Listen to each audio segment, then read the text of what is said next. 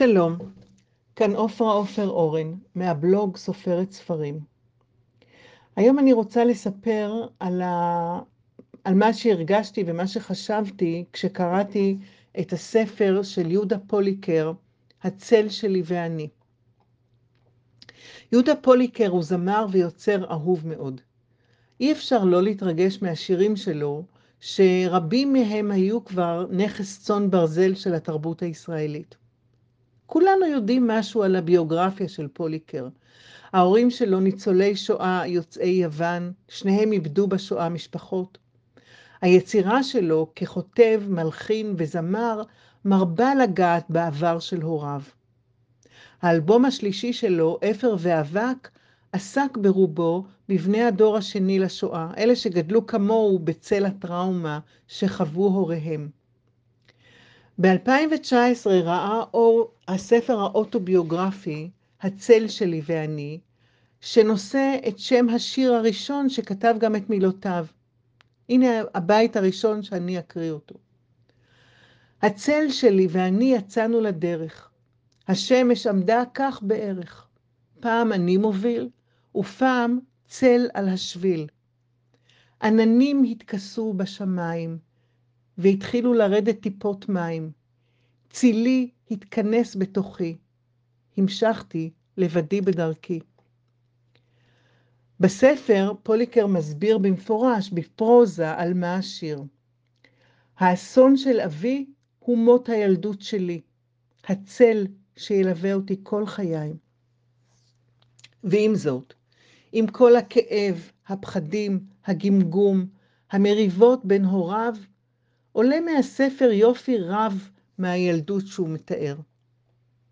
לכל אדם יש סיפור שחשוב ומשמעותי לו, אבל כשאדם יוצר, אומן יוצר, כמו פוליקר, כותב את האוטוביוגרפיה שלו, הציפייה היא למצוא בו את המפתחות ליצירות שלו, או לפחות את הניצנים שלהם.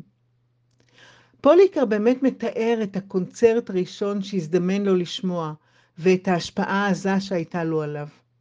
הוא מספר איך צייר פעם קלידים של פסנתר וניגן עליהם, בתקווה שההורים שלו יבינו את הרמז וישלחו אותו ללמוד על כלי כלשהו לנגן.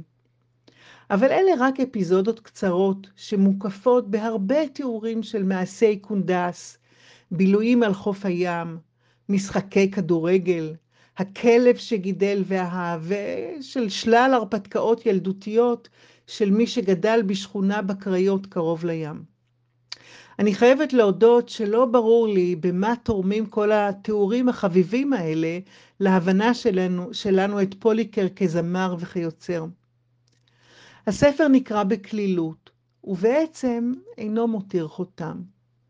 שתולים בו רמזים שמעידים על התפתחות המיניות ההומו-אירוטית של פוליקר, אבל גם הם זהירים מאוד, ואולי אפילו קצת סתמיים. הוא התרגש כשראה את איבר המין של גבר במשתנה הציבורית, אבל נבהר, נבהל וברח. הוא ראה בפעם הראשונה חבר שאונן. ויותר לעומק, אביו היה מעין תחליף אם, ואימו הייתה גברית. זאת לא תובנה שלי, אלא דברים מפורשים שהוא כותב. מתחשק כמעט לומר, בסדר, אז מה? הילד שהייתי פעם הוא עכשיו איש, חותם פוליקר את ספרו. וזה בעצם מה שקורה תמיד, לא? אבל מה הפך את פוליקר לזמר, למלחין, לתמלילן הנפלא שהוא, למבצע הכריזמטי? לא בטוח שאפשר ללמוד על כך מהספר. מוטב פשוט להקשיב לו כשהוא שר.